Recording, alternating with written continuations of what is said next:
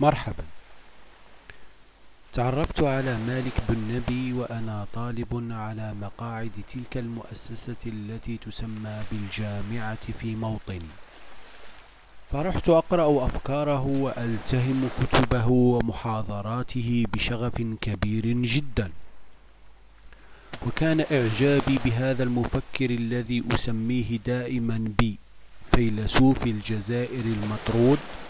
يزداد بمرور الأيام والسنين بحيث كان ولا يزال مصدر هذا الإعجاب هو من منطلق واقعية أفكاره التي تخرج من الأصالة نحو التجدد ذاتيا وهيكليا بصورة مستمرة. القارئ لهذا الفيلسوف يدرك مدى عمق ما تحدث عنه منذ القرن العشرين للميلاد. وكيف أن نبوءاته على قلتها قد صدقت جميعها وكأنه كان ينظر للمستقبل بعدسات مكبرة ثم يعود إلى القلم ليدون وصفات لكل مشكلة ستعترض العالم الإسلامي وبالخصوص العالم العربي. فهذه الميزة بالذات هي نادرة للغاية. عندما نتحدث عن مسلم شب تحت نير الاحتلال الفرنسي المجرم.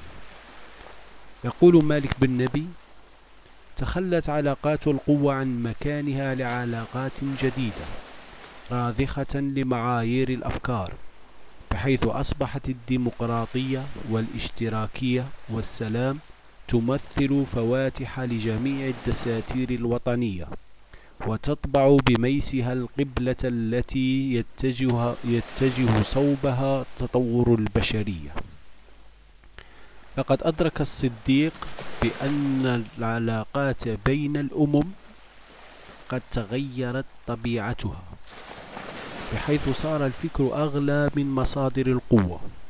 وقد بين كيف أن الكنوز الدفينة لدى المجتمعات على اختلافها قد صارت تلك العقول والكفاءات التي تصرف عليها البلايين في سبيل تكوينها وتهيئتها لتقود الدفة نحو الاتجاه الذي تحدده البوصلة السوسيو-ثقافية.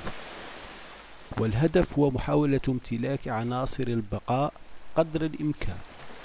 عبر تسطير استراتيجيات تشرف عليها الكفاءات المحلية لتكسب المجتمع المناعة المطلوبة عبر إنشاء موقع يصبح بواسطته لاعبا على الساحة العالمية.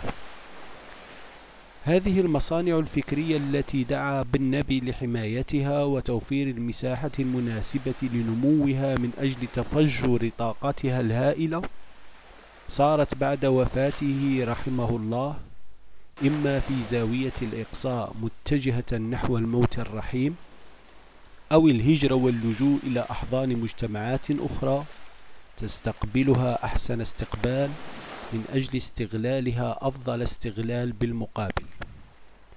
مع مطلع القرن الواحد والعشرين صار العالم والفيلسوف ثروات وطنية رفيعة المستوى. تشتغل أجهزة بأكملها من أجل حمايتها لأن العالم منذ بداية هذا القرن لم يعد يقاد لا بالمنابر والخطابات ولا بفوهات المتقاذفات أو باقتراب حاملات الطائرات وإنما صار ينصاع كليا لأحد الأدمغة. ذلك الذي يجلس في المكان الذي يريحه وفي الوقت الذي يشاء حاملا من الأجهزة أصغرها ليسخر شعوبا بأكملها وكأنه يتسلى بذلك. ألم يغير البيت الأبيض الأمريكي أنظمة وصاغ اتفاقيات وعدل حدود دول بأكملها وعقد صفقات مختلفة كما طرد سفراء ووزراء عبر بضعة كلمات كتبت على صفحة إلكترونية موقعة باسم الرئيس الأمريكي.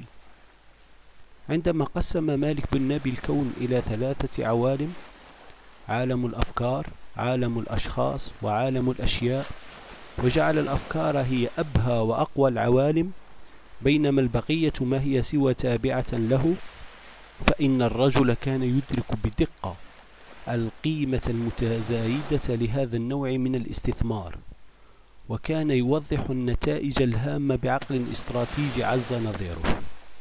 لم تمت أفكار مالك بن نبي فقد كتبت له أو كتبت له الخلود مثل ما حدث مع الأنبياء والكتاب من النبلاء. ومع ذلك وللأسف فإن هذه الأفكار قد أزهرت بعيدا عن العالم العربي الإسلامي بل صارت تقوي المجتمعات الأخرى في الوقت الذي صرنا نشهد تلاشي ما كان بالأمس القريب بمجتمعات عربية. كما تلاشت فيما مضى ما كان معروفا بالخلافة الإسلامية. فالإنسان الذي ينتمي إلى الثقافة الإسلامية ولو بالاسم والوراثة قد صار مسلوب الروح والفؤاد نتيجة للقوة الفكرية التي صار مولعا بها حد الهوس ودون أن يدري.